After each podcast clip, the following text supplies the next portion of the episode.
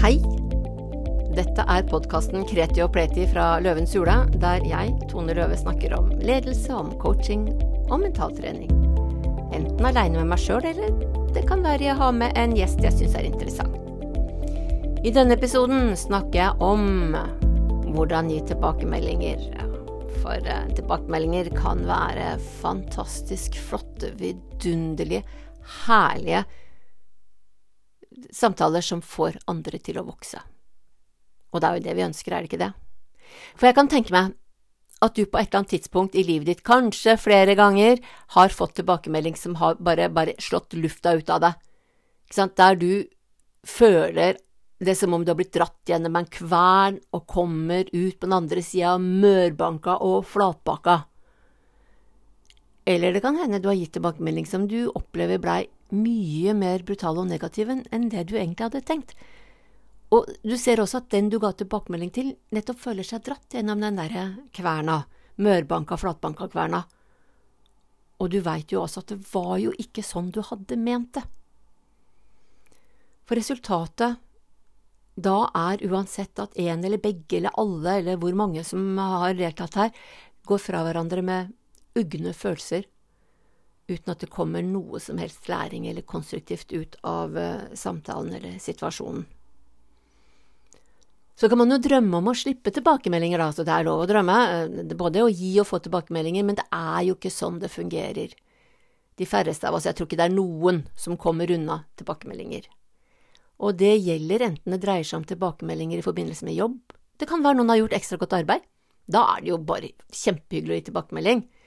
Uh, sånn så er det ikke like hyggelig, men ikke mindre viktig å gi tilbakemelding når et eller annet ikke har gått helt etter planen.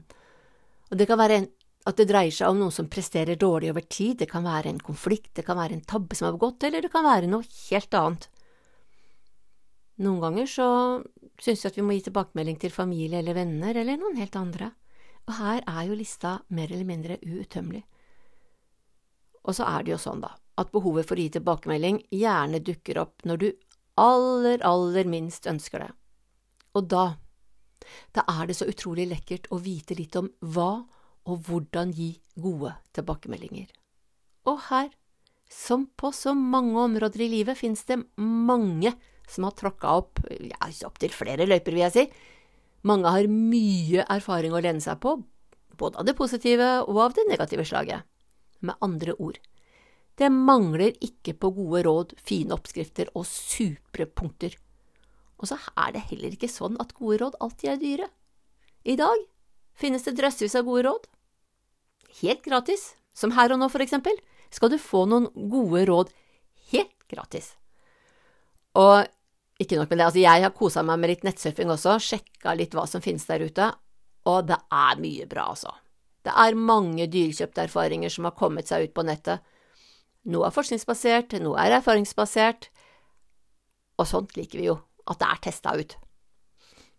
Først eh, noen få tanker om hva som kan gå galt, for i en artikkel i Harvard Business Review så er det en anerkjent forsker, Jean-Francois Manzoni, han trekker fram tre ting som lett bidrar til at tilbakemelding ikke fungerer, og som istedenfor å åpne for utvikling og vekst hos den som får tilbakemelding, heller bidrar til at kommunikasjonen bare kjører seg helt fast, og at vedkommende gjerne kommer på defensiven, og når vi kommer på defensiven, så reagerer vi som oftest med motstand og selvforsvar. Det borger ikke for en spesielt god samtale.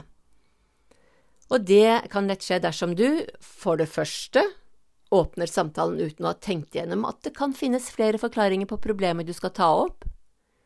For det andre, det kan være at du går inn med en antakelse om at du kjenner hele sannheten, og det fins bare ett utfall, og det utfallet er at noen har rett og andre har galt. Og for det tredje så kan det være at du heller ikke er villig til å justere dine antakelser underveis i samtalen. Når du går inn med de tre eh, hva skal jeg si for noe, de tre holdningene, da er du nesten garantert at det går galt. Så her først uh, tar vi og lister opp det som er galt. Men det er jo sånn at når tilbakemelding fungerer, så gir det den som får tilbakemelding, anledning til å vokse og utvikle seg videre. Jeg tenker det er det som er en ordentlig god tilbakemelding, og det er sånn det bør fungere.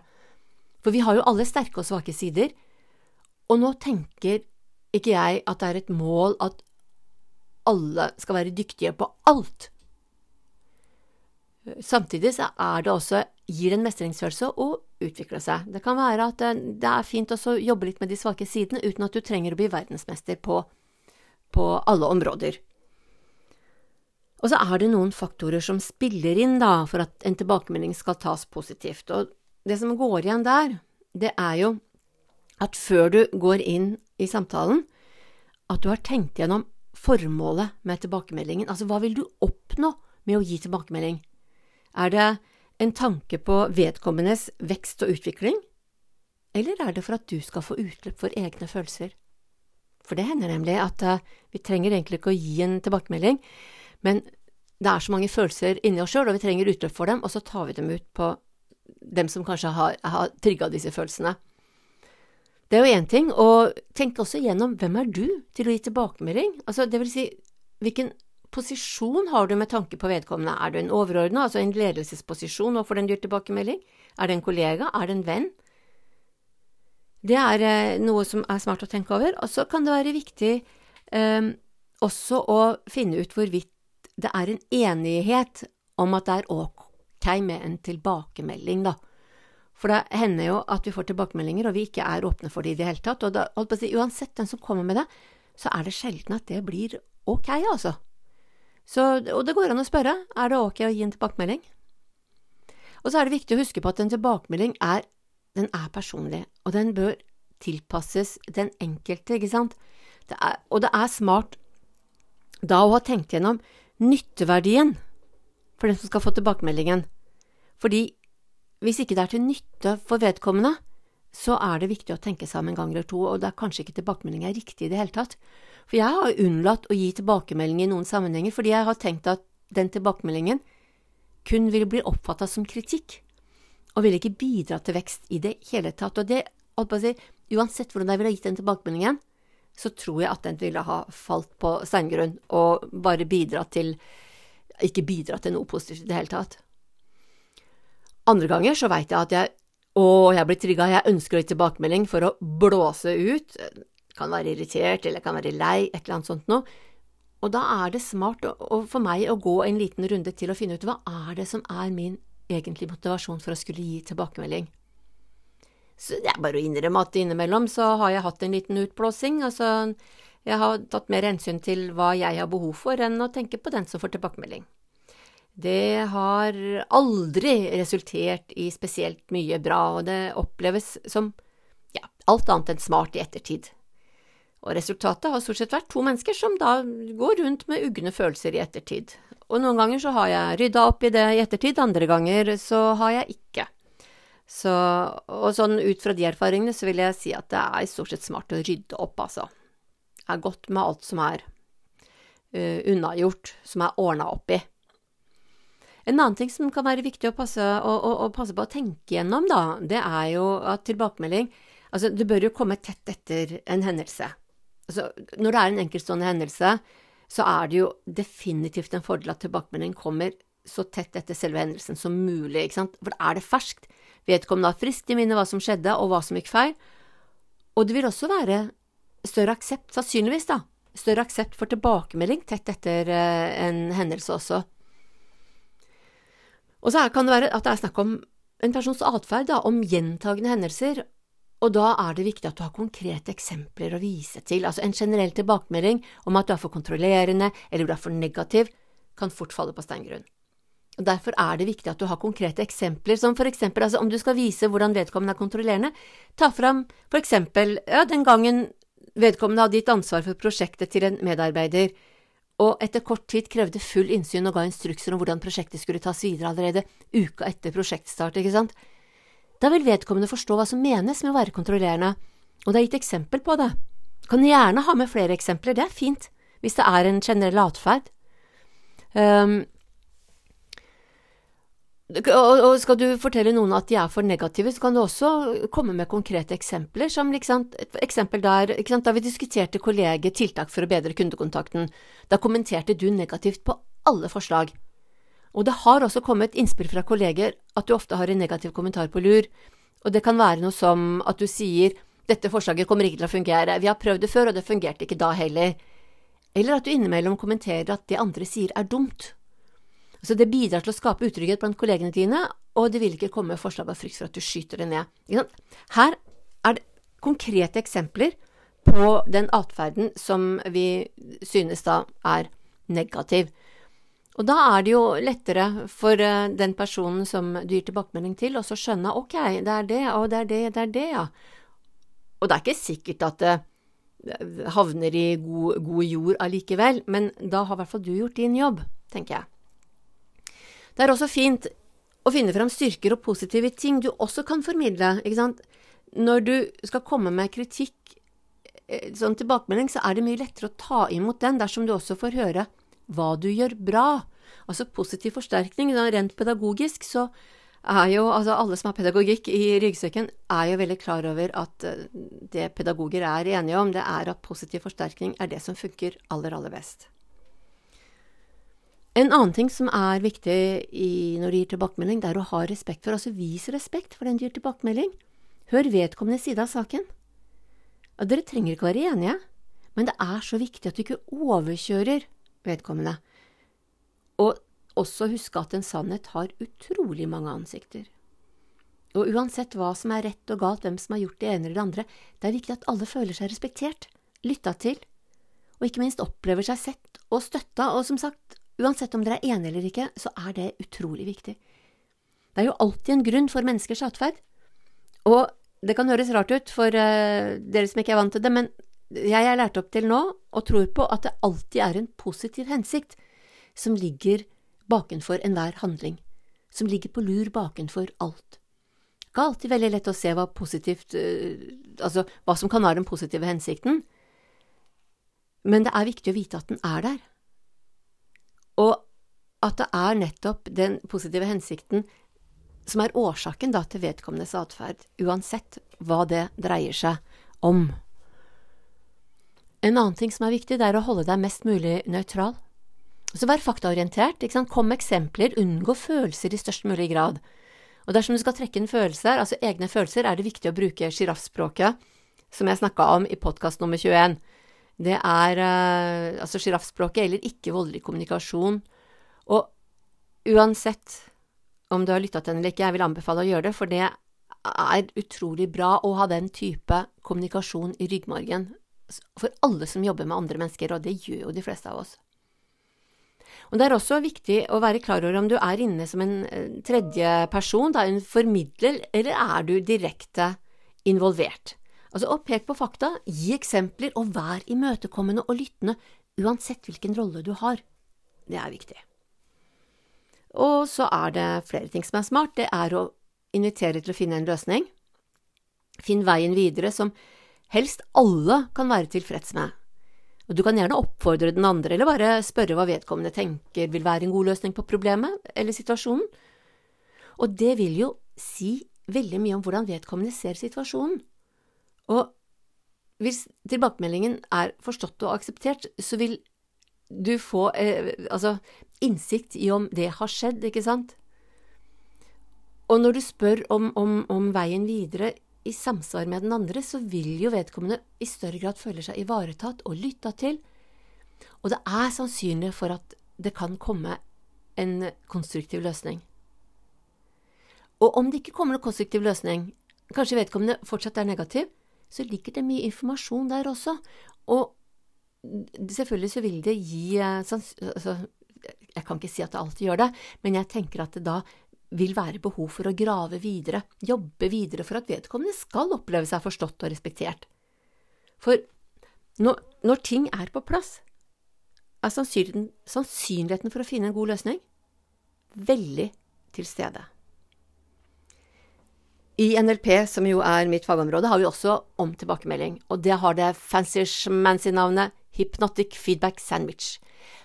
Og det er en super og konkret måte å gi tilbakemelding som har til hensikt å gi mottakeren en god opptur med strekk, og med det strekket menes noe de kan jobbe med.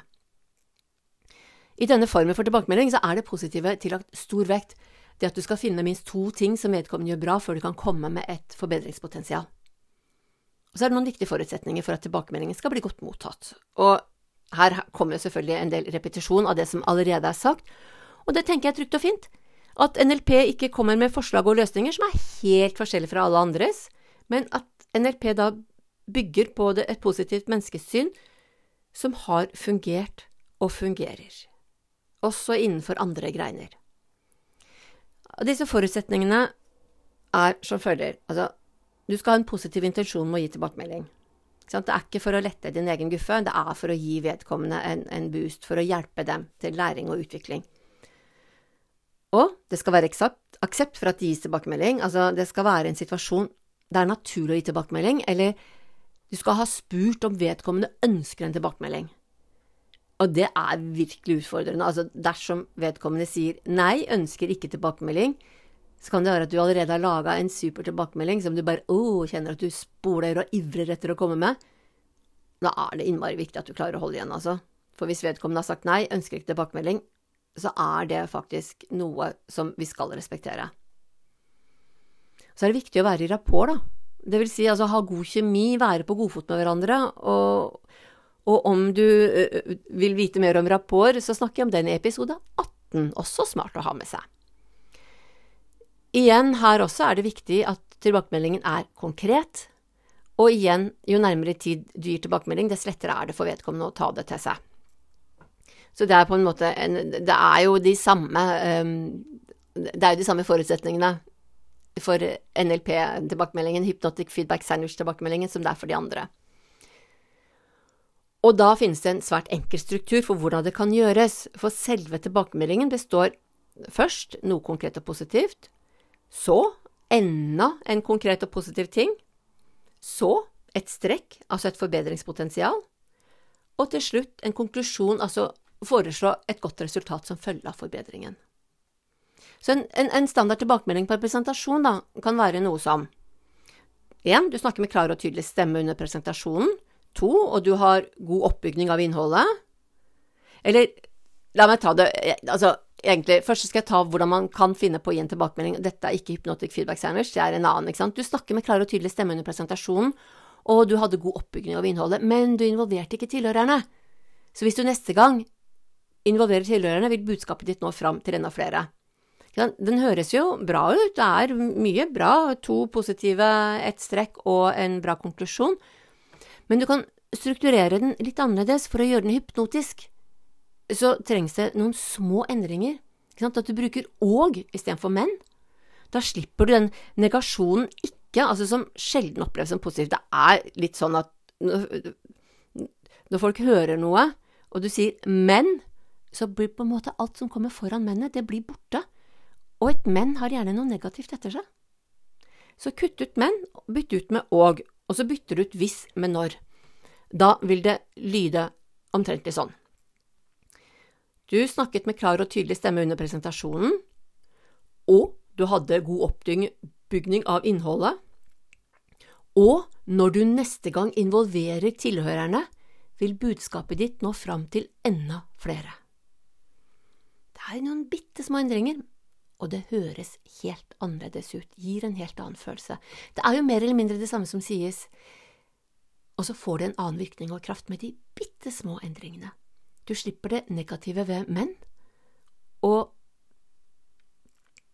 ordet hvis, det bidrar til at en mulighet bare kastes opp i lufta, og så veit vi ikke om den kommer det. Det er ikke sikkert, den bare er der ute, veldig sånn, sånn udefinerbart. Når du bruker ordet når, så plasserer vi ordet i framtida, og så forsterker vi ordet når med neste gang i trygg forvissning om at denne forbedringen kommer til å skje neste gang. Det er ikke noe hvis, det er når. Og Det blir en helt annen kraft, og det er nettopp dette som er det hypnotiske. Du snakket med klar og tydelig stemme under presentasjonen, og du hadde en god oppbygging av innholdet, og når du neste gang involverer tilhørerne, vil budskapet ditt nå fram til enda flere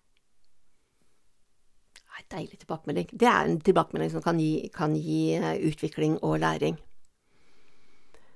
Så det var om tilbakemeldinger.